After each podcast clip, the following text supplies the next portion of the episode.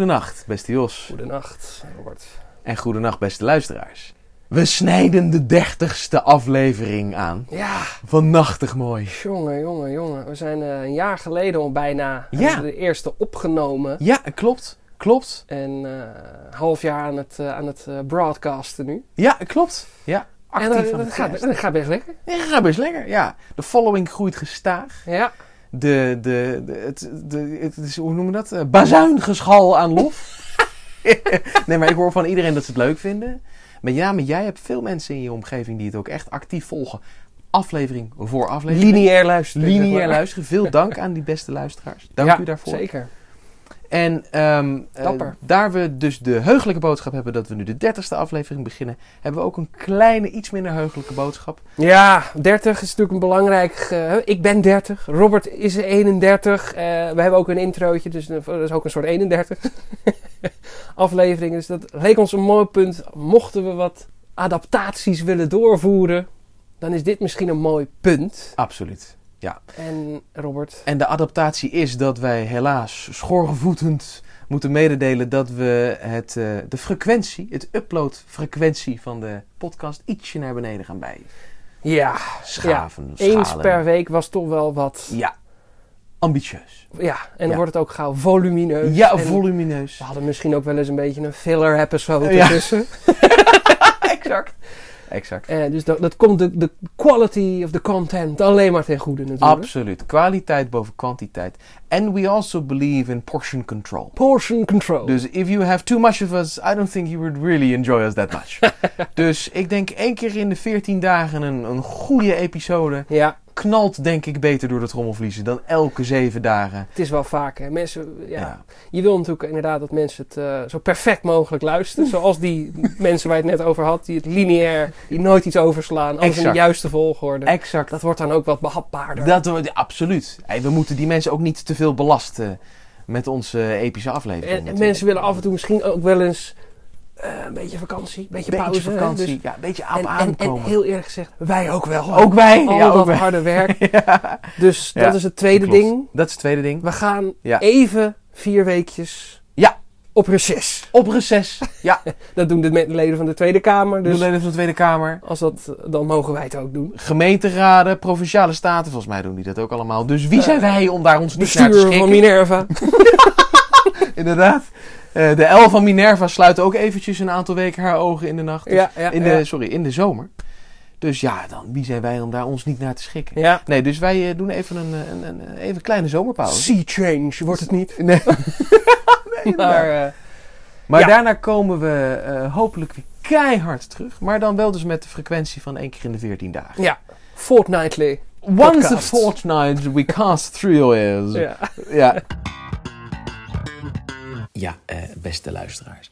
Zoals u waarschijnlijk wel heeft gemerkt, is onze zomervakantie ietsje langer geworden. En eh, gaat ook nog ietsje langer door. Eh, dus op het moment dat deze aflevering online komt, dat is podcast aflevering nummer 30 dus, eh, dan beginnen de aangekondigde vier weken reces. En, en daarna zijn wij, en ik even uit mijn hoofd, volgens mij is dat begin september weer eh, terug met onze 31ste aflevering. En vanaf dan hebben wij dus de uploadfrequentie van eens in de twee weken. Dus eh, begin september dan weer, dan eh, een, een fortnight later, hè, 14 dagen later weer de, de, de eerstvolgende aflevering. En zo verder, en zo verder. Maar goed, dat weerhoudt ons er natuurlijk niet van om deze 30ste aflevering wel met wat eh, leuke... Weer een bijzonder en belangrijk onderwerp. Al zeg ik het zelf. Ja, om dat daarmee te vullen. En dat Ehm. is de derde, het derde luik in de bespreking van eh, The Human Era. Juist, Dus Voor, voor zover die bij ons bekend is. Absoluut, absoluut. Wij hadden natuurlijk in de allereerste aflevering een aantal extreem steekhoudende argumenten.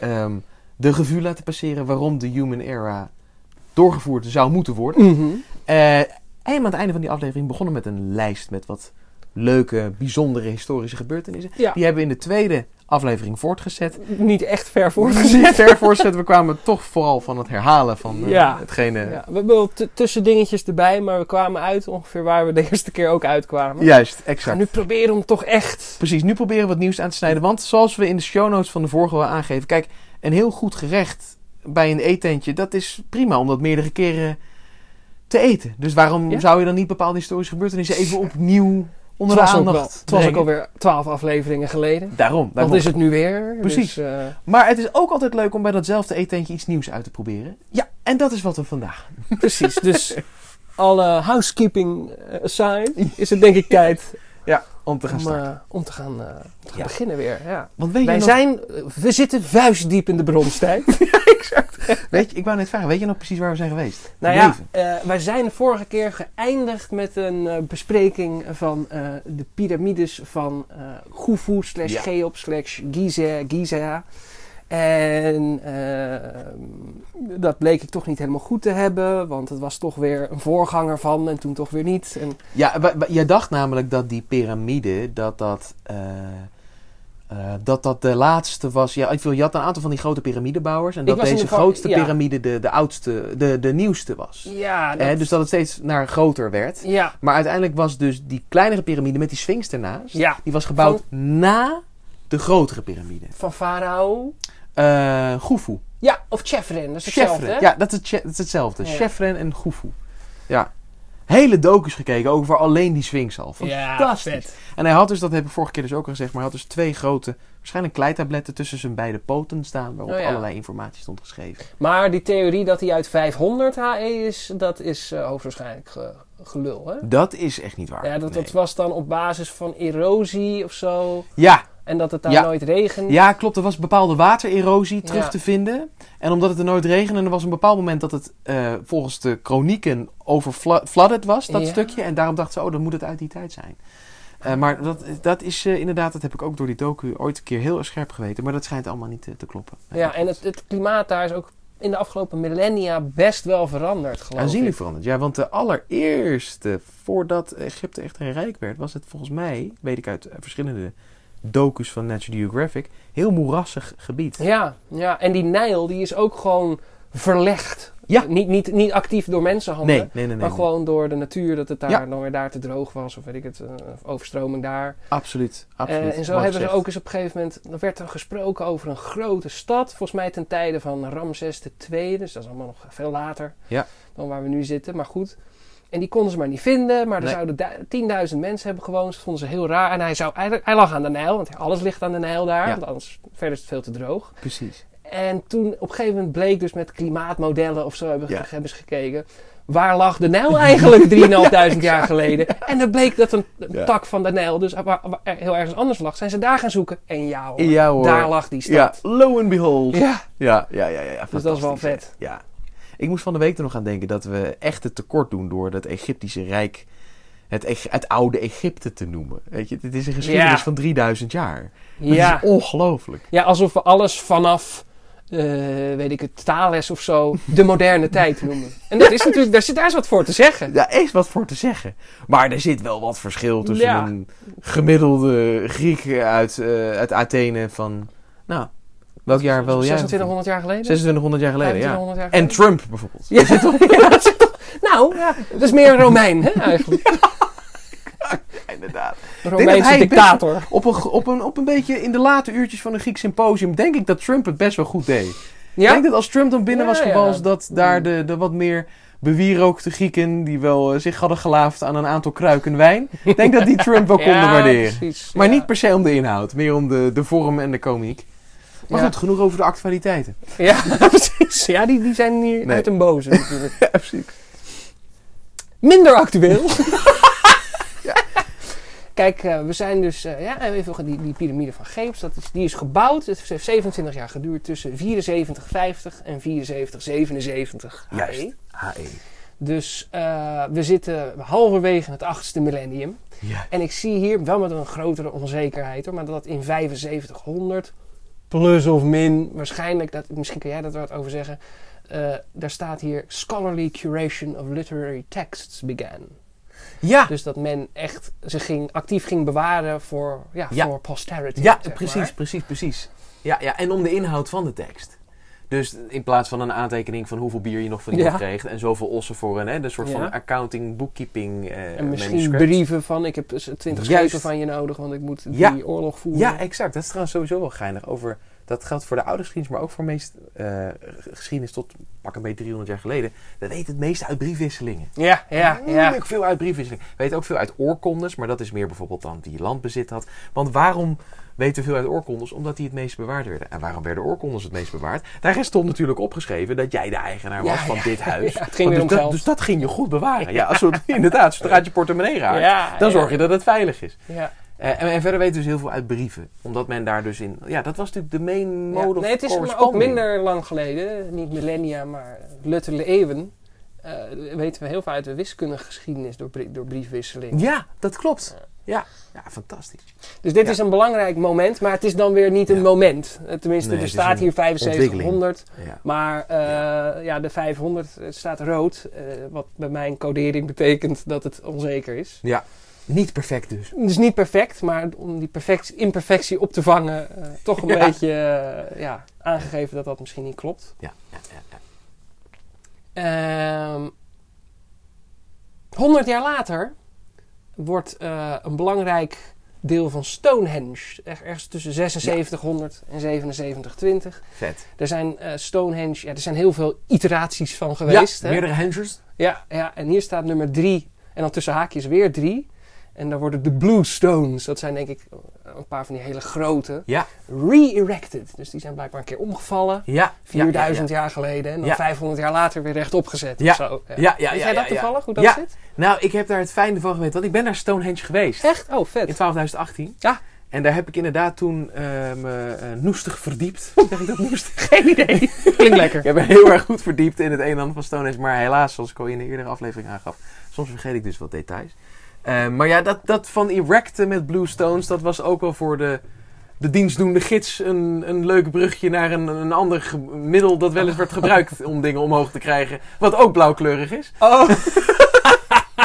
Maar goed, dat is het enige wat ik dus... Zo Ja. zie je maar weer, comedy werkt wel om dingen te onthouden. Ja. Ja. Maar ehm, even kijken, want welk jaartal spreken we? Ja, dat is dus tussen 76, 77, 20 staat Ja. hier. 76, en dat is de 100. re-erection van de Blue Stones van Ja. Stonehenge. Ja, Ja. van Stonehenge 3. Ja, Stonehenge. Ja, klopt, klopt, klopt, klopt. Ja, ja, ja, Ja. ja, ja, ja, heel nice. En on- rond diezelfde tijd vinden we het eerste bewijs van, eh, wat, hoe heet dat in het Nederlands? Compound interest.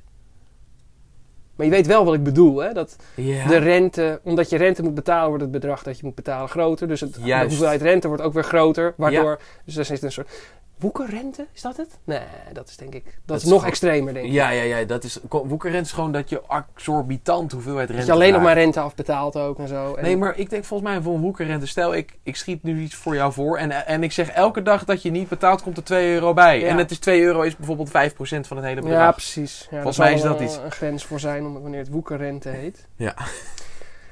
En eh, tegelijkertijd, ook allemaal 7600, is er de overwinning van Lagash over Uma bij Enmetena. Oh, ja, je, tuurlijk. je weet wel.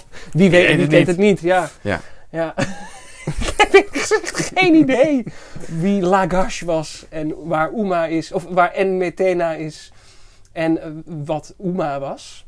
Nou ja, Maar het is eh, vast belangrijk, want het is 4400 jaar geleden gebeurd en men weet het nog. Nou, eh, eh, Lagash of Sirpula, dat is het huidige Tel Al-Hiba, ten noordwesten van de samenvloeiing van de Tigris en de Eufraat. Oh, Ten oosten van Uruk. oh. Was een van de oudste en belangrijkste steden van het oude Sumer en later Babylonië. Ah, kijk. Lagash. En wat gebeurde er met Lagash? Ema? Nou, die overwonnen eh Uma Uma. bij Enmetena. Oké. oh, wat vet. Ja. Niemand weet hier volgens mij iets Nee. over. Nee, nee, nee. Want even kijken. Ehm, ja, ik wil niet eh, de, de trends doorbreken, maar Mm. welk christelijk jaartal zit hier aan vast? Oh, Welk, eh, dat is dan christen? dus eh, 2400 voor Christus Ja, ongeveer. oké, dan heb ik er waarschijnlijk wel iets van geleerd. Ik heb namelijk geleerd over een aantal veldslagen Ja. tussen 2500 en 2300 voor nou, Christus. daar zou bij dus oude geschiedenis. ja, ja. Wellicht is deze daar een deel. eh, Het feit een dat van. ik hem hier heb, Ja. betekent wel dat hij ergens groot is. Nou, dan heb ik Dus dat dan met kans- dank aan eh, professor Narebout. heb, ik, heb ik toch, ja, ik kan het ook niet anders maken. me. Heb ik, heb, ik dat, heb ik dit toch ooit geweten? Wat is zijn voornaam? Eh, Frits. Oh, dat mag je. Oh ja, ja. Jawel, dat mogen we wel zeggen. Ja, hij, is, hij, is, hij is al beroemd. daarom. Daarom. Frits Naderbout. Nou, een mooi, mooi lul. Ja. Nou, die had een, een mooi boek geschreven samen met professor Singor. Want ik heb eerder in een aflevering dat boek aangehaald. En toen wist ik de naam niet van die Oh. tweede eh, auteur. En, eh, en die, die heet Singor. Geweldig les, kan lesgeven. Beide mannen trouwens. Meneer Narebout en meneer Singor. En die hebben beide dat boek geschreven. En dat is een introductie voor de oude geschiedenis. Eh, concurrent van het, het oeuvre van jouw vader. En, en daarin stonden dus een aantal van die veldslagen beschreven. Dus ik denk dat ik ooit heb geweten, eh, precies eh, van Ja. de hoed of de rand. Eh, maar dat is helaas... Over Lagash, Uma en-. Metena. ja, exact. Maar dat is helaas wegges, weggecijpeld. Ja, mensen hebben het er te weinig over. Ja, dat is ook te weinig. Ja. Ja, dat klopt. Wat hopelijk... zo'n mooie, belangrijke tijd is geweest. Ja, absoluut. Ook bijvoorbeeld in diezelfde eeuw, de 77ste eeuw, hebben we weer een specifiek jaartal. Leuk. 76, 53. Maar ja, dat is dan weer de Bijbelse zondvloed. en of Ja. dat helemaal klopt. Ja, is ook weer de vraag. Ja, maar dat is ook wel... Dat heb ik trouwens ook van meneer Nagebouwd geleerd. Dat ik, had, ik had echt een zieke unit van een boek toen. En er stonden allerlei... Het ging, het ging over... ehm, eh, het, het vak heette Geloof aan de Goden. En het Mhm. ging over al die oude religies. En je ziet dus dat in die, al die oude beschavingen... Wat waren nou bijna bovennatuurlijke extreme rampen? Ja, Nou, dat was of heel veel water. We de vorige keer gezegd. Of heel weinig water. weinig. Ja, en als het Ja. heel veel water was, was het dus zo'n zondvloed. Dus heel veel En van dat soort aardbevingen en vulkanen, maar die zijn aardbevingen- denk ik zeldzamer. Klopt, die heb je bij de ene beschaving vaak meer dan bij de andere. Ja, Want of niet elke beschaving lag natuurlijk bij zo'n... plaat, Plaat. Of een hotspot. Precies. Dus, of beter gezegd, de rand van een plaat, hè? Dus waar Ja, die dat platen bedoel ik. Ja, elkaar- ja, ja. ja, Ehm, maar goed, in ieder geval, eh, eh, dus het, het, het zijn in verschillende oude beschavingen hebben allemaal een equivalent van een zondvloed.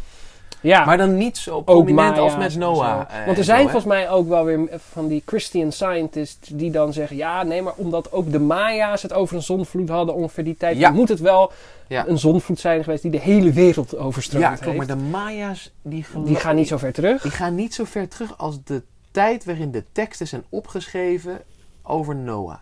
En Mm. dat zijn natuurlijk weer geschreven versies van een, eh, eh, verhalen die al eerder mond op mond werden doorgegeven. Ja, ja, ja, ja. Dus ik denk niet dat dat dezelfde zondvloed Of is. nee, het kan natuurlijk ook gewoon zijn dat er zijn natuurlijk heel, ja, heel veel geweest. Ja, er zijn Dus er moeilijk veel geweest. Waarom zou je aannemen dat het allemaal dezelfde is? Op het moment van spreken is er een stikke hoeveel overstroming in Noord-Italië.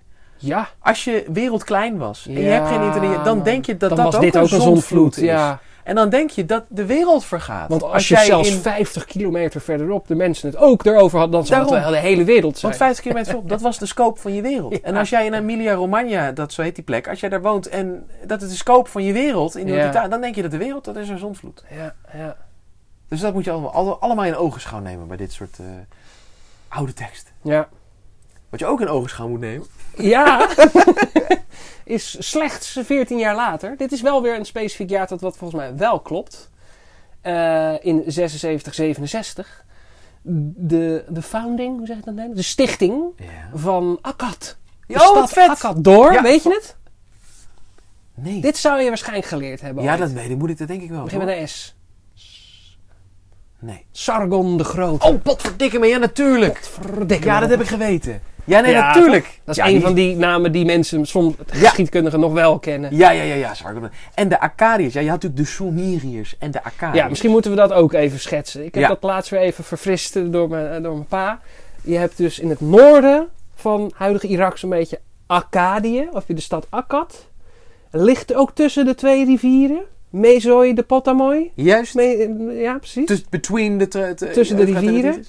De Uifrat en de Tigris inderdaad. En dan zuidelijker een beetje eh, diagonaal 45 graden naar beneden kom je denk ik bij...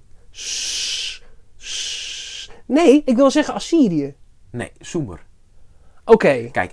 waar is Assyrië? Nou, Assyrië, dat is een rijk dat later kwam. Ah, sorry. Oké. Ja, ik ken de christelijke jaartelling van... Zal ik je niet meer vermoeien. maar Rek- nee, reken even op. 10.000 min. That's it. Je hoeft niet op het jaar. 10.000 min. Ja, maar het, het, potverdikke, het is steeds dat voor Christus. Ik vind het zo moeilijk. Oh, wacht even. 10.000 min. Ja. Ongeveer. 1600 voor Christus, 10.000 min 1600 dus. Ja? Wat, wat is 10 min... eh, 8600. Ja? ja? 8400. Ja? 8400. 8400. Dus het is 8400. inderdaad bijna 1000 jaar Ja. hierna Ja. was. Oké. Ja, maar Wow, eh, oh, dat is wel eventjes ingewikkeld. Want je hebt natuurlijk, eh, ik heb dus eh, vernomen, hoorde ik van de week nog, dat je bepaalde Syriërs hebt. Mensen die nu uit Syrië komen, die zich nog steeds identificeren als Assyriërs. Wat? Omdat die ze afstand doen Eh, zij zijn ook bijvoorbeeld heel erg anti-religie en zo. Ah. Zij doen afstand van de staat Syrië, van de, die, Maar die daar nu Ik in de dacht dat macht is. Syrië helemaal niet, zeg maar, cognaat is. eh, Nee, dus- nee, nee, nee. nee. met dat. Assyrië. Nee, klopt. Nee, dat Assyrisch Rijk dat was veel groter.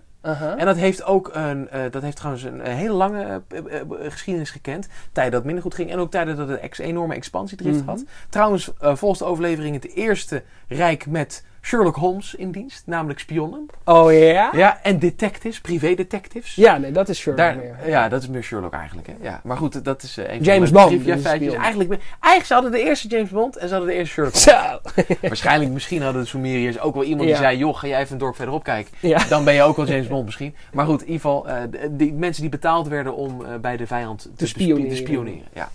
Maar die Assyriërs, dat, dat, is eigenlijk, eh, dat is eigenlijk later pas. Die Sumeriërs en de. Akkadiërs waren eerder. Dus het begint met Maar Sumer sowieso. juist. En dan Akkad vrij gauw daarna. Juist.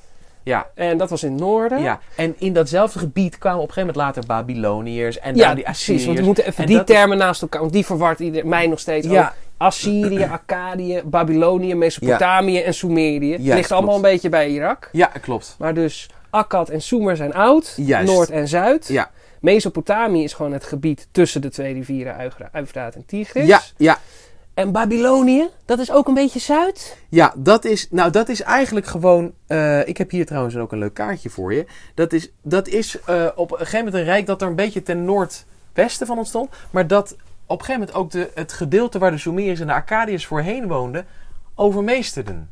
En daarom is het soms lastig. Die, die, die rijken die waren na elkaar. Maar die, Mhm. gingen, die hadden soms overlap met het voorgaande rijk. Ja, Snap logisch. je wat ik bedoel? Ja. En je hebt ook het, bij de Babylonische nog verwarrend, want je hebt het oud-Babylonische Rijk en het nieuw nieuw-Babylonische ja, ja, Rijk. mijn pa is van het nieuw Babylonische Ja, die Rijk, is, tot, dat is dan... eh, met Tot de slag- Alexander, ja. Ja, eh, beste luisteraars. Eh, jullie horen ons in deze aflevering en in vele andere afleveringen eh, vaak allerlei oude beschavingen zomaar over tafel werpen. Eh, we noemen de Sumeriërs, de Akkadiërs, de Babyloniërs, de Assyriërs, de Perzen. Ehm, allemaal door elkaar. ehm, eh, vaak ook niet altijd helemaal goed in het juiste verband genoemd. Omdat we natuurlijk, hè, we staan onder druk, hè, u snapt het. Die eh, record-knop van de podcast-opnameapparatuur, die dringt ons enorm op. Dus daardoor onder druk om te leveren en om u te entertainen en te informeren, eh, laten we wel eens wat steekjes vallen. Dus daarom leek het ons beiden goed even deze kleine tussenopname te maken waarin ik de oude rijken die in deze aflevering worden genoemd eventjes wel goed op een rijtje zet. De chronologische volgorde van die oude beschavingen uit het nabije oosten is als volgt. De eerste van die beschavingen is de Sumerische beschaving. Was van circa, vergeef me de christelijke jaartelling, 4000 voor Christus tot 2000 voor Christus.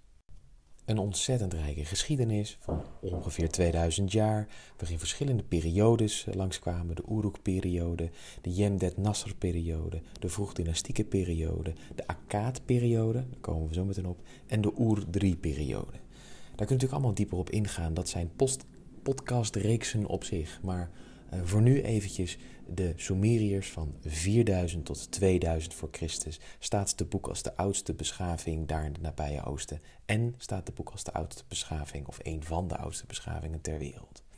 Eh, zoals jullie weten, dit is dus de Sumeriërs in het gebied van de eh Eufraat en de Tigris.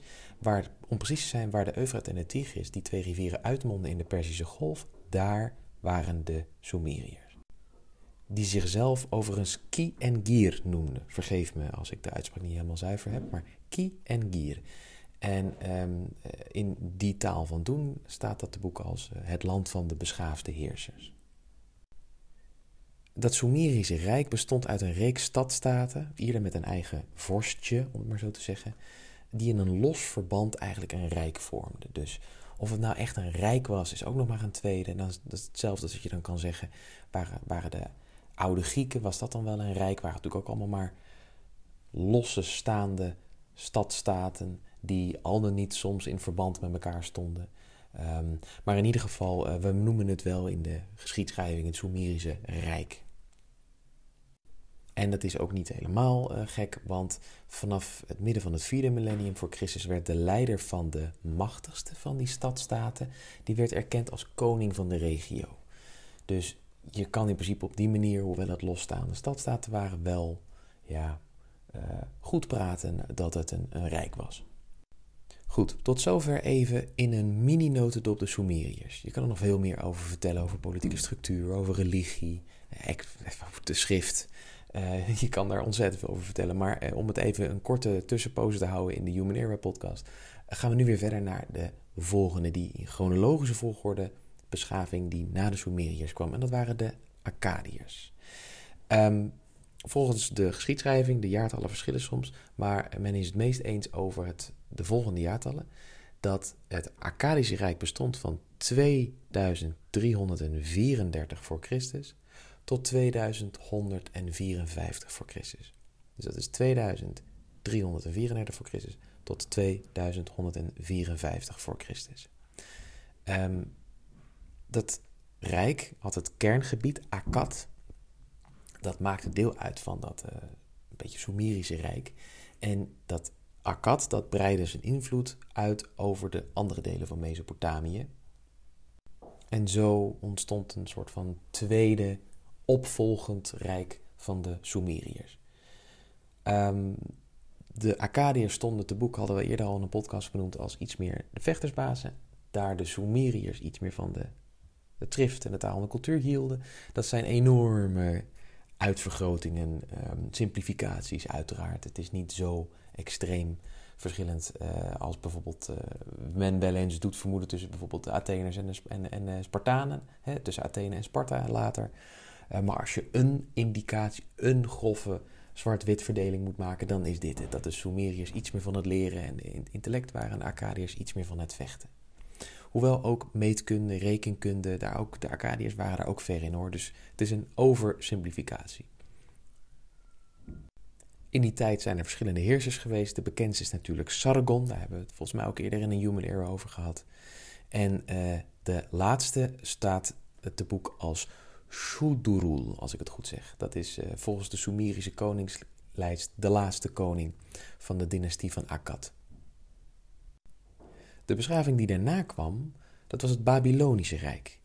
Daar moet je nog wel een verschil maken. Je hebt een oud Babylonisch Rijk en een nieuw Babylonisch Rijk.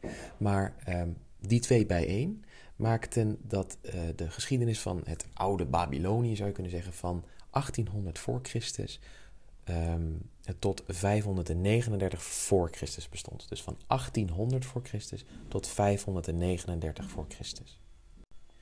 Um, Babylonië, die term is ook wel in gebruik om uh, het zuidelijke deel van Mesopotamië aan te duiden, terwijl het noordelijke deel eerder als Assyrië wordt aangeduid. Komen we zo meteen ook op, want je hebt natuurlijk ook nog het Assyrische Rijk. Uh, het Rijk strekte zich uit van Bagdad tot aan de Perzische Golf. En Babylon was de hoofdstad, cultureel, uh, politiek, um, qua invloed, qua impact. Op de regio Babylon de hoofdstad. En nog goed om te melden dat dat Assyrische Rijk, wat hier, we hierna eventjes kort gaan benoemen, uh, dat heeft uh, de laatste, heeft een tijd, niet de laatste, maar een tijd lang over dat Babylonische Rijk geheerst. Dus het Assyrische Rijk heeft een tijdje de Babyloniërs overmeesterd, aan zich onderworpen. En dat was van omstreeks 800 voor Christus tot 609 voor Christus. Nou, bekend iets van het Oud-Babylonische Rijk is natuurlijk de Codex van Hammurabi.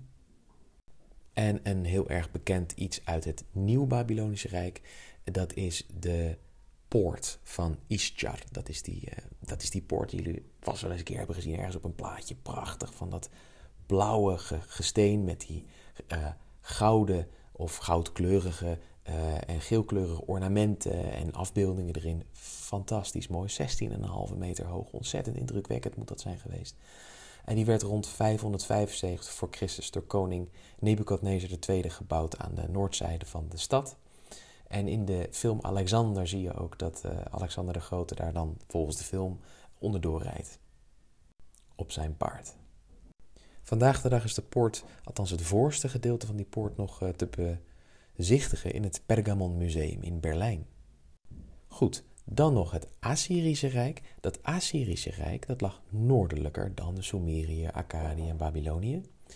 Ehm, en het Assyrische Rijk begon al rond 2000 voor Christus. Dus dat is dus eigenlijk al als het Sumerische Rijk al een beetje tot zijn einde loopt, rond 2000 voor Christus. Dit zijn natuurlijk echt uh, grote uh, ja, afbakeningen. Hè. Dus natuurlijk allemaal in de, in de praktijk gaat het allemaal veel chaotischer en is het allemaal niet duidelijk in een jaartal, op een jaartal terug te dringen um, met de informatie die we hebben. Maar um, het Assyrische Rijk ongeveer kwam tot stand 2000 voor Christus en viel in 609 voor Christus. Het kerngebied was Assur. Um, en vanuit daaruit veroverden ze grotere gedeelten van de nabije omgeving. Nou, ook over die Assyriërs kan je ontzettend veel interessante dingen vertellen. Het Assyrische Rijk, ontzettend, eh, ook prachtige, mooie, um, uh, hoe noem je dat, kunstwerken voortgebracht. Van die prachtige, mooie beeldhouwkunst die ze hadden. Um, interessante pictografie en tekst en taal. En volgens de overlevering ook het Eerste Rijk dat um, uh, een soort van privédetectives in dienst had, hè, of waar privédetectives actief waren. Uh, en uh, waarbij moorden en andere misdrijven werden opgelost met mensen die dat dan, een soort van privédetectives die dat dan probeerden uit te zoeken. Ehm, nou goed, zo zijn er wel, wel duizend en één andere anekdotes over te vertellen. Maar goed, even schoenmaker blijft bij je leest. Het Assyrische Rijk is dus na het Babylonische Rijk ongeveer. Nou, dan tot slot het Perzische Rijk. Dat is een rijk dat ontzettend lang heeft bestaan, uh, verschillende dynastieën heeft gekend. En um, wat eigenlijk ook een soort van overkoepelende term is voor een heel groot gedeelte van het Midden-Oosten um, om uh, geschiedenis of een beschaving mee aan te duiden. Um, het begon met Cyrus II, de Grote, Cyrus de Grote. Uh, die volgde zijn vader Cambyses in uh, 559 voor Christus op als heerser van de Perzen. De Perzen waren toen nog onderworpen aan de Meden. Daar heb je ook die gezegde, of dat, die uitspraak van de wet van Meden en Perzen van.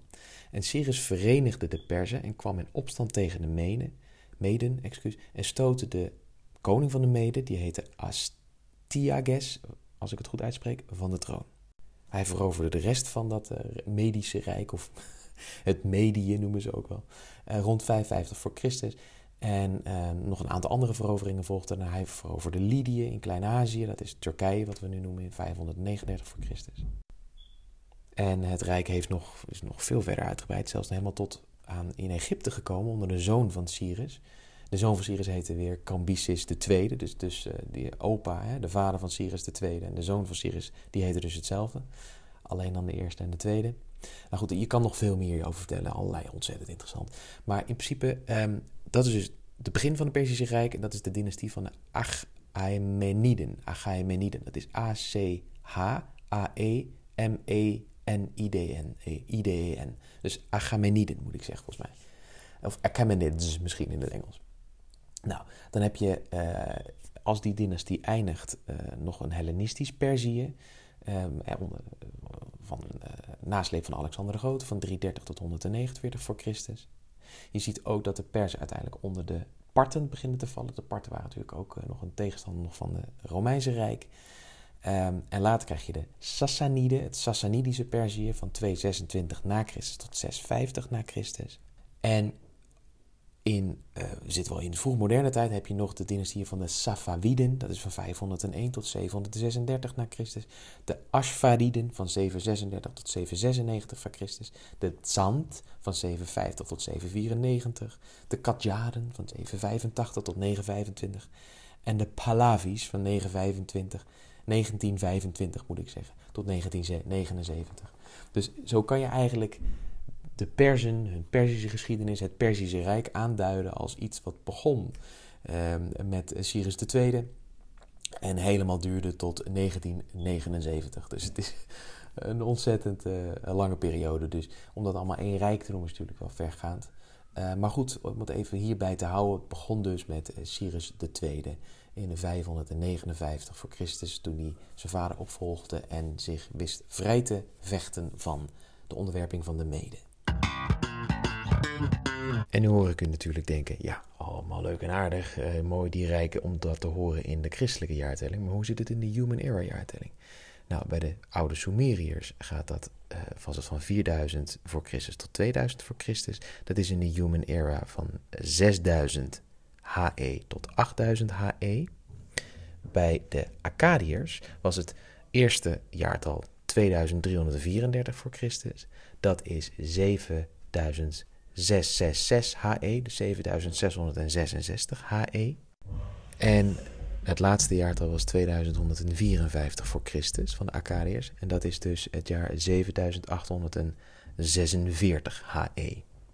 Bij de Babyloniërs was dat 1800 voor Christus. Dat is 8200 HE tot 539 voor Christus. Dat is 9461 HE. Bij de Assyriërs is dat 2000 voor Christus, oftewel 8000 HE, tot 609 voor Christus, oftewel 9391 HE. En bij de Perzen is dat natuurlijk vanaf 559 voor Christus, dat Cyrus II zijn vader opvolgde. En dat is hetzelfde als 9441 HE. Maar ik zie ook weer Lagash trouwens op het kaartje. Ja, ja, ja. Ligt aan de Zwarte Zee, is dat? Oh, dit is de, de per- eh, bij de Persische Golf. Dat, de Gulf. Ja, Ja, de precies. Persische Golf. Ja, Ja, ligt klopt, aan de klopt, Persische klopt, Golf. Oké, maar de, Dus dat in hele... 76, 67 wordt. Akkad gesticht. Ja. Dat is wel een belangrijke eh, figuur, die Sargon de Grote. En tussen de Sumeriërs en de Akkadiërs, daar weet je denk ik, heeft je pa dat je ook verteld? Dat, dat is een beetje een soort van, ja... heel- Oh, hun Ja. houding zeg maar, naar het leven toe. Ja, het over. klopt. Ja, ja, het is echt heel gechargeerd. Maar als je het moet zeggen, zijn de Akkadiërs meer de Spartanen, meer van het vechten. En de Sumeriërs zijn meer van de Atheners. Die houden meer van wetenschap. Dat is natuurlijk Ja. enorm... ik, ik had in mijn hoofd een beetje Grieken en Romeinen, maar inderdaad, Ik zou je Atheners, zeggen, Spartanen. Ja, is wel een enorme simplificatie. Ja, hoor. het is een beetje cartoon. eh, ja klopt. Maar de Sumeriërs waren iets meer van... Minder ehm, expansiedrift. Juist, mooi gezegd. mooi gezegd, ja. En ik zou dus ook liever een Sumeriër zijn, denk ik, dan een Akkadiër. Want ik ben niet zo van het... eh, Nee, hè? maar ja, dan gaat het dus wel op een gegeven moment eh, Ja. je, je, hop op, je hoofd op het eh, schavot, hè? Ja, het is... ellende Ja. is behouden. Ja, exact. Ja. Sargon, groot figuur, maar ook een groot figuur is de dochter van Sargon. ja? En haar naam was Enheduanna. Oh, wat vet. Ja, en Daar heb ik nooit ehm, van geleerd. zij is ook volgens mij ehm, op een gegeven moment verbannen. Want ze is ook in Ur, een eh, Sumerische stad, Ja? is ze de hoge priesteres van Shin. Dat is dus de Sumerische maangod. Het is ook wat de patroongod van Oer. En, het is, en dat is de zoon van de luchtgod Enlil en Ninlil. en, en- Ninlil is de graangodin. Kijk, Zijn gezellin is Ningal, ofwel de grote dame. Zijn kinderen zijn onder andere de zonnegod Utu, Inanna of Ishtar en de, Ishtar! donder, en Ishtar, en de dondergod Adat. Ishtar, daarvan is de naam Esther afgeleid, waarschijnlijk. Dat meen je niet. En zij was de godin van de vruchtbaarheid, volgens mij ook. Oh, oh, wat vet, wat vet. Oh ja, en wat natuurlijk wel leuk is, is dat natuurlijk... Dat kan ik je ook wel vertellen van deze go- god, godheden. Daar werden uh, ziggurats voor gebouwd. Weet je wat dat waren? Tuurlijk. Nee, Dat waren, nou, dat waren een soort van ehm, complexe, soort van ja, eh, verhoging. Een soort van heuvel, die, een kunstmatige heuvel die je maakte. Uit respect voor de bovennatuur. Want die was natuurlijk altijd boven de Ja, natuur. ja. Dus je moest proberen daar naartoe. Ja. En daar komt uiteindelijk dus de piramide vandaan. Omdat men zo'n ziggurat, dat men dacht, joh, zullen we een, nog een ziggurat... Zullen we die ziggurat gewoon hoger maken? Maar op een gegeven moment klinkte dat in. Dus toen dachten ze, wat dan als we de ziggurat bouwen? Klinkte dat in? Ja, dan zakt dat in. Want met de klei en het spul wat ze voorhanden hadden om dat te bouwen, was dat dus Ja. blijkbaar niet genoeg om een nee, flatgebouw. ja, dat klopt. De- Je kan ook niet hoger bouwen op aarde dan 10 kilometer ongeveer. Maar dat heeft andere thermodynamische redenen. Ja, nee. nee, waarschijnlijk was dit door met de beperkingen van het materiaal waarmee ze moesten werken. Ja. Ja. En daarom bouwden ze een kleinere ziggurat op een grotere ziggurat. En zo kreeg je uiteindelijk Een een, trapsgewijze. trappyramide. Ja, ja. Althans, dat gingen de Egyptenaren Maar dat, je zegt, die, dan, dat is dus veel eerder dan eh, 76, 67. Want eh, Klopt. nu hebben we al de grootste, de grootste piramide. Die, die staat nu al Daarom. 200 jaar. Precies dat. Dus dit is ver daarvoor. Maar dat is iets wat ze ehm, heel lang hebben gedaan, die ziggurats. Ja, ja, Ja. vet. En in al die beschavingen zie je trouwens dat ze een soort van bolvormige of Ja, het eh, is ook de natuurlijkste vorm natuurlijk voor, om dingen stabiel te maken. Is Ja, niet zo klopt. gek. Nee, want dan blijft het staan, inderdaad. Maar nog eh, even over Enheduanna. Ja, Dat leuk. is namelijk, eh, ten eerste is het al sowieso best wel bijzonder dat we van een vrouw uit van 2400 jaar geleden de naam kennen. Daarom. Eh 4400 jaar geleden bedoel ik de naam ja, kennen. Ja, ja, ja. Eh, en dat komt omdat, onder andere omdat ze de eerste auteur is. Juist. En ook de eerste gebruiker van het woord ik. Ja, Dat is fantastisch. Dat is toch vet? Ja, dat, dat is daarvoor blijkbaar. Kijk, weet je, in, in, in Latijn zeg je eigenlijk nooit ego, tenzij je het echt heel erg wil benadrukken. Maar in principe zit dat gewoon in de werkwoordsvormen verwerkt. Ja. Net als in het moderne Italiaans trouwens. Klopt. Eh, en in het Grieks heb je ook, zeg je ook eigenlijk nooit, volgens mij, een woord voor. Ja, het bestond wel, denk ik hoor. Maar goed, dus dat is, dat is wel gaaf. Ja. En ze heeft 42 hymnen geschreven. Ja, ja, En drie epic poems. ja. Voordat ze dus inderdaad verbannen werd van Oer. Ja. Ja. ze is daar ook weer verbannen. Helaas. En ze leefde van 7716 tot 7753. Maar die 16 en 53 zijn wel weer wat onzeker. Ja. Maar het zal zeker een, een 78ste eeuwse zijn geweest. Ja. Ja, ja, Je weet, het is de dochter van Akkad. Ja, nou ja, eh, precies. Dat kan dus niet heel veel daarvan afzitten. Fantastisch. En, en ja, ik vind het zo tof. Wel grappig dat dat dan dus dan de introductie van het ik.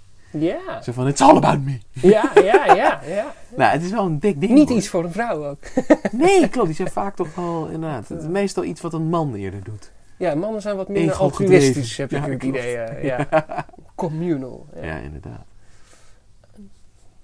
Nou, de, de, de, de- het verhaal van Sargons eh, stamboom gaat verder met zijn kleinzoon Naram Shin van Akkad. Die leefde, of ja, leefde, die, die regeerde, geloof ik.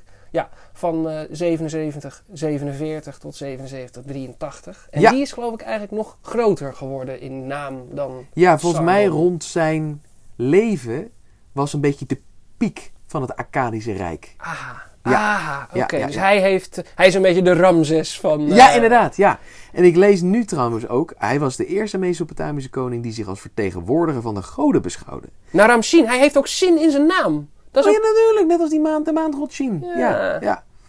En hij was ook de eerste die zich koning van de vier windstreken liet noemen. Mm. Geweldig. Hij dreef handel met Meluha, dat mogelijk overeenkomt met de Indische beschaving. En beheerste een groot deel van het land langs de Perzische Golf. Hij breidde ook zijn rijk uit door de koning van Magan in het zuiden van de Perzische Golf te verslaan. En door de stammen die in de heuvels van de Taurus leefden te onderwerpen. De veldtocht naar Syrië was voorheen voornamelijk bekend uit een van zijn jaarnamen. En dat de naam van het jaar was het jaar waarin Arumam, eh, sorry, Ar veroverde en zijn muren slecht. dus wij zeggen 2021. Hij Ja. zegt dat is het jaar waarin Arumam veroverde en zijn muren slechten. Ik moet zeggen, ik denk dat ik ook in die tijd bezwaar had gehad op de jaar. Inderdaad, ja. Want we ik leven. vind de christelijke jaartelling Ja, precies. Maar- leven? 200, 2255 voor Christus. Ja, Ik Wie is Christus? En wat is 2255? dat is wel een heel groot getal. Ja, exact. Ik snap dat inderdaad hij ook wel dacht, ik moet een andere naam. Maar, ik bedoel, met het vuurwerk, met oud en nieuw, zit wel een hele lange bril om op je hoofd te hebben. Ja, en ze deden dat toch ook gewoon in het, eh, in het 17e jaar van Essar Haddon. Ja, ja, ja, ja, Eh, klopt. Ja, maar dat is nog dat, die manier is van aanduiden, dat deed men toch echt nog tot 300 jaar geleden, hè? What? In de jaar des heren of in het 17e jaar. Oh, des, ja, ja, des heren, dat wordt Ja. nog steeds gebruikt. Ja, Anno nee, nee, Domini. nee, nee, nee, ik snap wat je bedoelt. Maar dan altijd in het jaar van iemand. Ja, precies. Dus ja. in het jaar Van die de. Heer, of in het jaar van, inderdaad, eh, in het zoveelste jaar van de heerschappij van. Dat gebeurt Ja, heel dus veel. eigenlijk is dat we één vaste heer, namelijk de Heer, de Heer God, hebben uitgekozen om Juist. het daarbij te houden. Is een verbetering geweest. Vind ik wel een aanzienlijke verbetering. In plaats van, ja. Ja. dat klopt. In plaats Kan je van gewoon dat doortellen Ja, eigenlijk. dan hebben we allemaal hetzelfde. In plaats van in die koning, in, in plaats van die heer versus die heer versus die heer. Ja, en dan Dat- hoef je ook dat niet, is- want mensen zijn natuurlijk gaan terugrekenen met, oké, als dat toen was, in die, en die heeft zo lang. En dan gaan dus verschillende mensen dat uitzoeken en dan komen er weer verschillende getallen uit. Ja, Dat vind ik zo irritant. dat is irritant. Dus ja, in de jaartelling van Van Ja. Rooyen Ja. is het eh 2255 voor Christus. Maar in de jaartelling van, van, van, Zuiden, van Zuidenwijn, Ja. ja, de Rooi van Zuidenwijn, ja, dat is nee, echt je hebt iemand. helemaal gelijk. De Roy van Zuiderwijk. Ik, ik weet niet, het was een vertaler geloof ik. Ik weet niet of hij ook eh, jaartellingen doet. Maar oh, Van de Mieroop heb je ook nog. Wat nee, Nederlanders. Hm. Anyway. Ja, dat is net als als je gaat pokeren met een grote groep vrienden. vrienden en je gaat aan het eind van de avond de chips tellen. Er ontbreekt altijd wat. Komt nooit uit. Iemand, één iemand in zijn zak gestoken, of niet? Dat denk ik toch ook weer niet. Nee, ik ik niet. weet niet hoe dit komt. Nee, ik snap het ook niet. Het Nee, nee, nee. Ja. Ja, must have randomness die Ja. er dan in sluit. Ja, op ja, manier. Gelukkig is er geen randomness in jouw lijst van Human Era Nou, gebeurtenissen. pff, weet je hoe ik mijn lijst genoemd heb? A random history of human time. I stand corrected. Want, Ja. laten we wel wezen, het zijn belangrijke dingen. Ja. Maar het zijn niet de enige belangrijke nee, dingen. Die... dit zijn let- die het zijn gebeurd inderdaad zijn. random, maar edoch interesting facts. Precies. Maar Edoch vind ik wel Dat een is een hele lelijke continuatie. dat is echt dubbelop, inderdaad. Maar wel Edoch. Maar... Oké, ter zake. Ter zake, we slaan even een eeuwtje over, want ik moet zeggen, Ja. de 78ste eeuw kan mij gestolen. Sorry, de 79ste eeuw kan. De 78ste eeuw hebben we net Naram-Shin Ja. en, en Hedwana besproken. Ik wou net zeggen, we hebben tot in den treuren behandeld. Door maar twee mensen uit die 100 jaar de revue te laten passeren. Meer kennen we er niet. Sorry. Ja. Exact. Maar in 79, of ergens tussen 7900 en 7950 gebeurt er wel iets heel belangrijks. Veel mensen kennen natuurlijk de Codex, Hammurabi. maar niet per se de Codex Urnammu. Nee, En inderdaad. dat is de eigenlijk eerst bekende, vroegst bekende law code. Dus, Nee, joh. eh, ja. Dus eigenlijk had Hammurabi, beste man verder, maar Ja. wel al afgekeken van Urnammu. En dat was ook een. Sumeriër trouwens. Eh, Wat vet. terwijl, eh, ja. Met spijkerschrift vastgelegd. Geldende wetgeving. Of... Fantastisch. Is dat man. misschien ook het oudste Akkadisch? Dat weet ik niet. Nee, dat zal wel niet. Nee, dat weet ik niet zeker. Akkad bestond op dit punt natuurlijk Nam. twee, ja, Zei jij 250. Urnammu, hè? Dat zei ik, ja. Ja. heel goed, heel goed. Ja, heel Ja. goed. Ja, ja, ja, ja. Want, eh, ja, want het heeft ook een voorwoord, de tekst. Oh ja? Men heeft dus met, eh, want dat is er uiteraard, hier zie je een mooie afbeelding ervan, Ja? in kleitabletten gehouden. Ja. En dat lijkt me toch het ook nog. best wel een intensief eh, klusje. Maar alsnog eh, kon men de energie opbrengen om er een voorwoord aan toe te voegen. Gewoon er een steen op te zetten Ja. natuurlijk. Met een stuk. en eh, even kijken, in het voorwoord van de tekst wordt de wettekst waar het om gaat toegeschreven inderdaad aan koning Urnammu.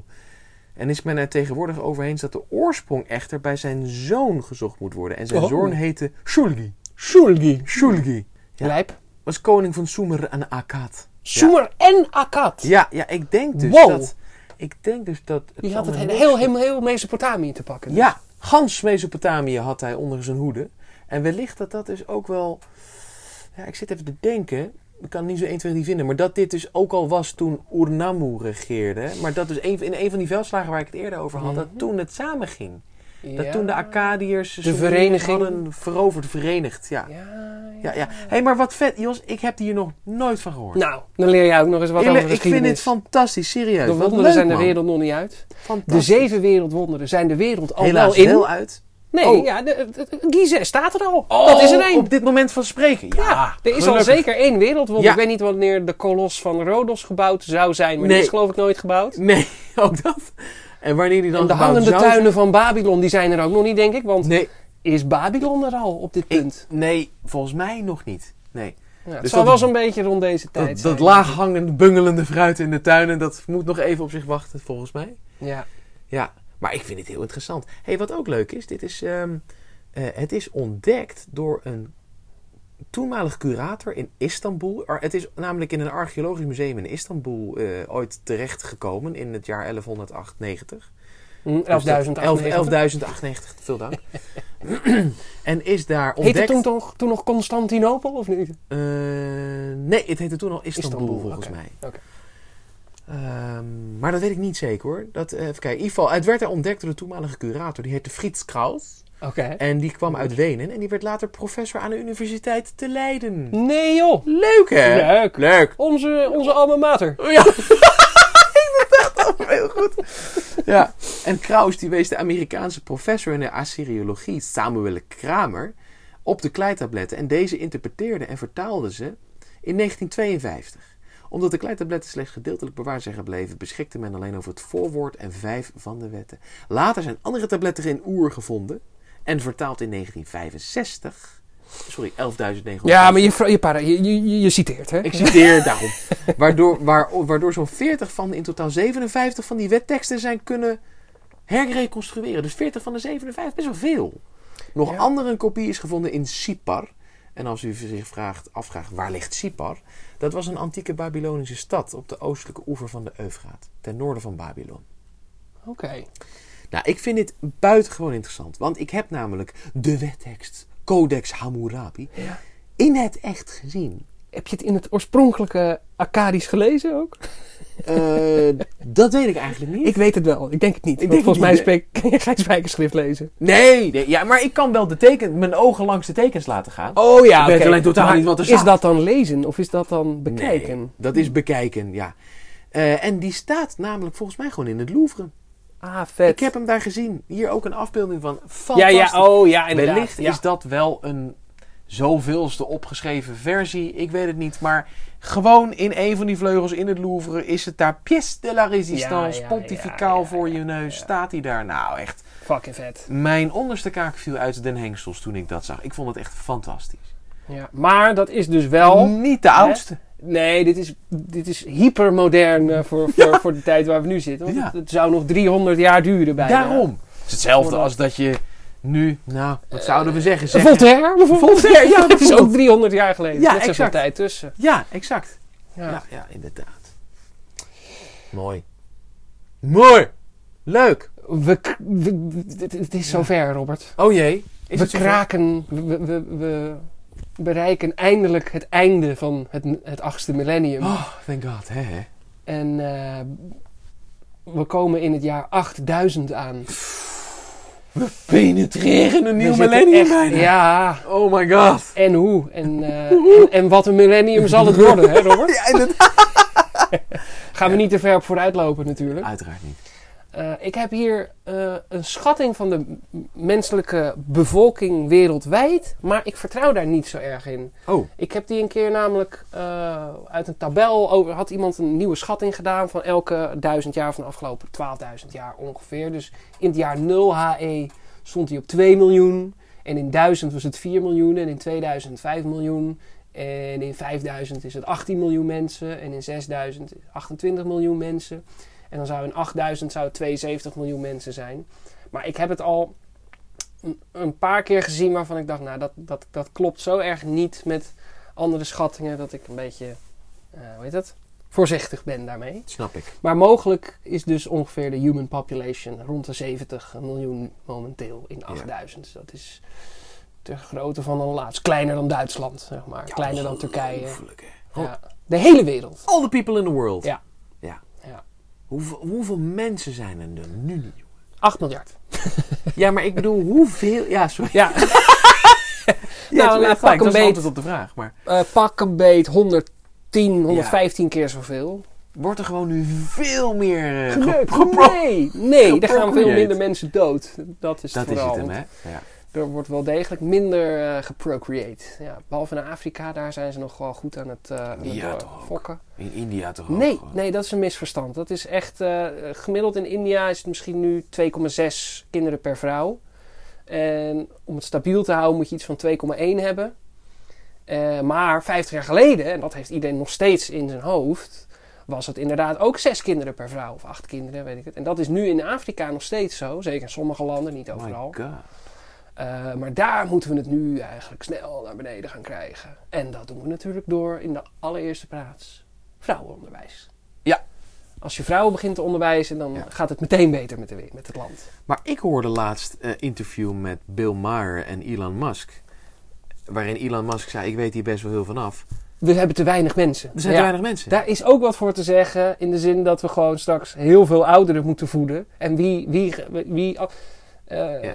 Wie gaat dat betalen? wie gaat dat betalen? Ja? Wie gaat daarvoor werken? Ja. We kunnen niet straks hebben dat de helft van de mensen Ja. eh, pen- met pensioen is. Ja. Dat kan de andere helft niet opbrengen, want Nee. mensen worden steeds ouder. Ja. Eh, op een gegeven moment ga je, is, het, is het normaal om 35 jaar pensioen te genieten. Ja. En 40 jaar gewerkt te hebben, ja, je, je, je legt niet de helft weg hoor. Nee, Dus Nee. Nee, hoe nee, dat nee, moet, weet ik niet. nee, klopt. Dus ehm, Mooi ja, gezegd, klopt. daar, sommige mensen maken zich juist zorgen over onderbevolking. Ja, ja, ja, ja, ja. En je hebt natuurlijk nog het argument dat hoe meer mensen er zijn, hoe meer knappe koppen er zijn, hoe meer belangrijke ontdekkingen sneller gedaan worden en zo. Is dan Maar- ook niet gewoon een oplossing? Sorry dat ik dit zeg. Kijk, eh, er moeten natuurlijk eh, mensen zijn die, die... Dat er genoeg actieve werkende... Er moeten genoeg mensen zijn om ehm, ervoor te zorgen dat er genoeg actieve eh, werkpopulatie blijft. Ja, Die geld opbrengt voor de ouderen. ja. Maar om een systeem in stand te houden van pensioen en AOW en weet ik veel allemaal. Als het pensioen, als het systeem er niet meer is, dan moeten de ouderen gewoon teren op de centen die ze. Als ze gewoon heel veel sparen hun hele leven, dan Ja. leef je daar zelf van. Maar Want zo is het systeem toch zo soort van ook bedacht. Zo van ja, je werkt. En nee, het je, is jij gaat eigenlijk met pensioen van wat jij zelf opzij hebt gelegd. niet gewoon van wat je kinderen voor je doen. Ja, tuurlijk, dat is zo. Wij betalen nu letterlijk gewoon voor de ouderen. Ja, ja. Maar ja. hen, het, het uit het systeem is dat de ouderen, die hebben destijds ook gewerkt. En die Ja, hebben ja, eigenlijk betalen ze geld en dat krijg jij later terug. ja. Maar als je gewoon allemaal gewoon als ZZP'er spaart, Mhm. gewoon werken, centjes die je ervoor krijgt, gedeelte ga je eten, gedeelte ga je huis, gedeelte doe je leuke dingen, gedeelte zet je ergens neer.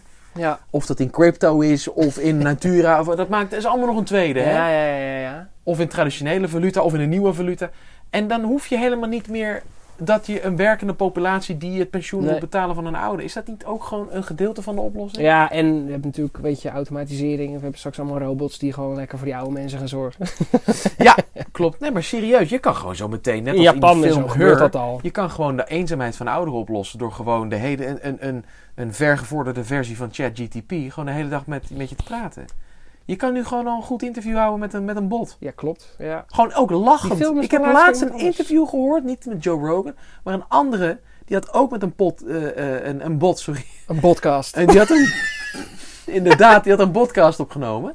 En die interviewer, die bot, Ja, die ja, ja. lachte.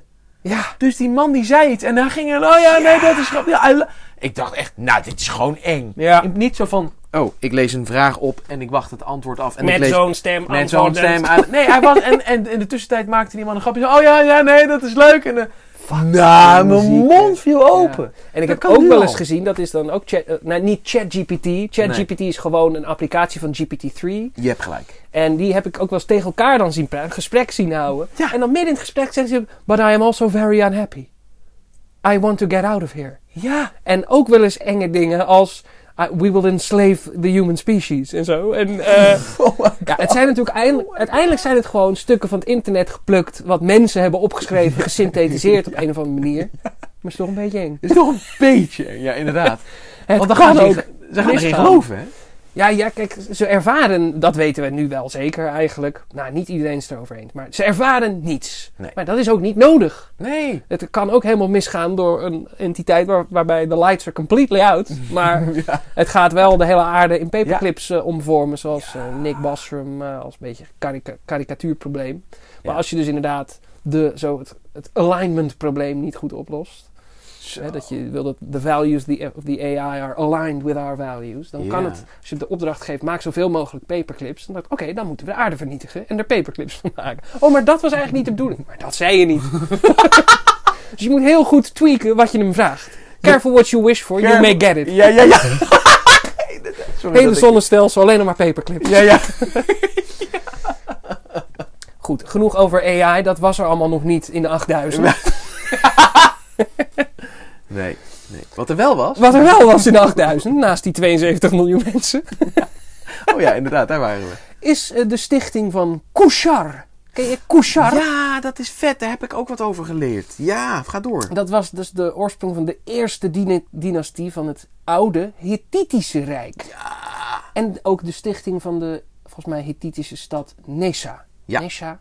Ja, ja, ja. Dat is ook een gaaf eh, vol- volk. Ja. Dat is pas veel later ontdekt dan Ja. Assyriërs en Babyloniërs. Klopt. Want klopt. er waren drie rijken. Hè? De, Ja. het Egyptische Rijk, Babylonische Rijk en het...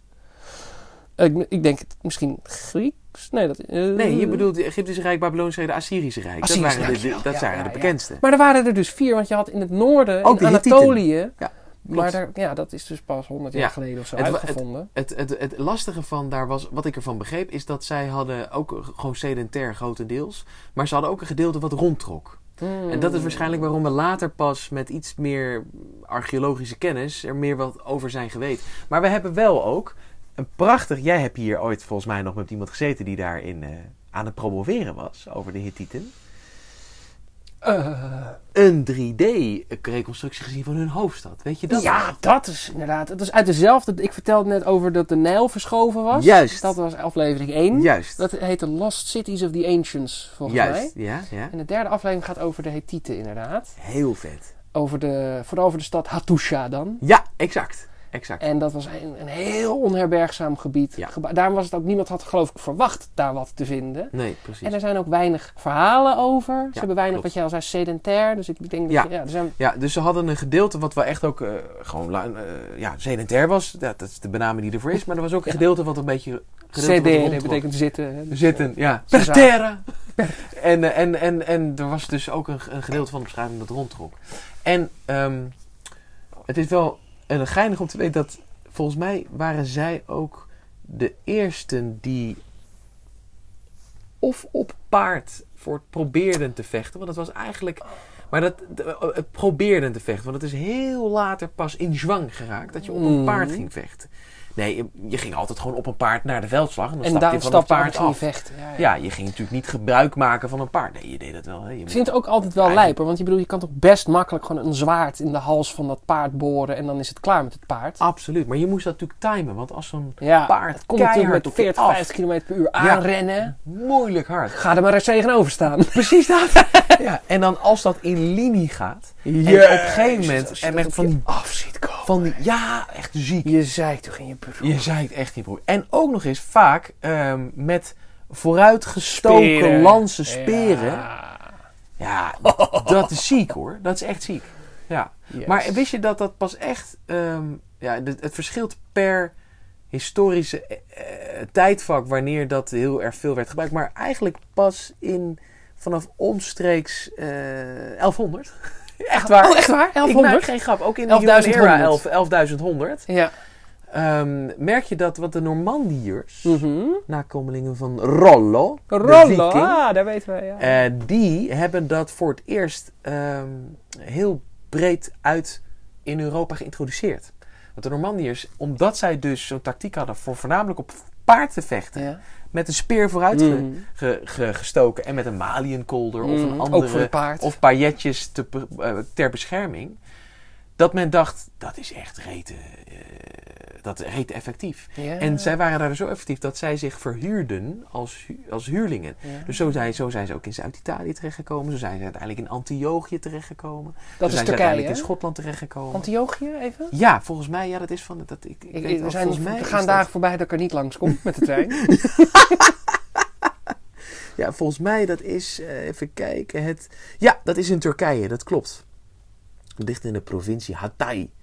Ja, en dat ligt een beetje wel tegen Syrië aan, Oh, hoor. Zuidoost een beetje. Ja, ja, ja, ja, hier zie je het. Ja, dat is ook eh, de Bakerman. Daar, daar ligt ook Göbekli Tepe. Exact. Eh, is daar, ja, was daar. Ja, En ook, dat is wel een stukje verder, daar wil ik eigenlijk mee beginnen, ben ik vergeten. ja. Eh, hoe heette het ook alweer? Ik heb die naam niet onthouden. Oh ja, Bonchuklu Tarla. Dat is zo'n andere eh, archaeological site. Eh, en daar is ook eh, ja, een nederzetting gevonden. Misschien nog wel duizend jaar ouder dan die bij Göbekli Tepe. Nee. Dus Göbekli Tepe, dat, dat, dat stamt ook niet precies tot nul hoor. Maar waarschijnlijk 400 HE of zo zijn ze Ja. daarmee begonnen. Ja. Wat we weten. En dit is misschien wel 600 BHE. Before Human Era. Moet je het dan weer aanpassen? Nou, ik zeg eh, eh, nee, want het was sowieso al niet precies. En eh, het is nog steeds ongeveer 12.000 jaar. Ben jij dan een voorstander van het invoeren van Before Human Era? BHE, nou ja, dan heb je natuurlijk de keuze. Je kan ook gewoon negatieve getallen gebruiken, want je hebt het jaar 0 nu gewoon.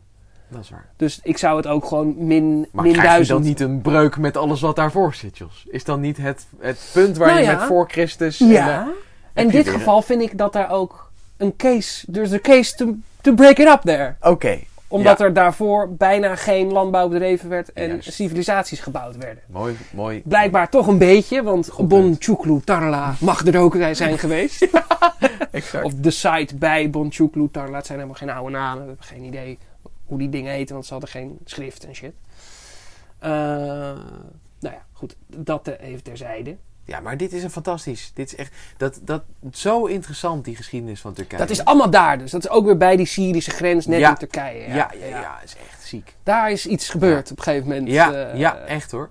En wel grappig, want weet je waarom wij Turkije Turkije noemden? Ja, vanwege de, de, de, de, volk der Turken. Ja, maar die kwamen helemaal niet uit Turkije Maar oorspronkelijk. uit Mongolië. Ja, dat waren ehm, de Turken, dat waren net als de Hunnen Mongolen. misschien? Dat, Of niet? de Hunnen zijn ook een voorbeeld van. Dat waren steppennomaden. Oké.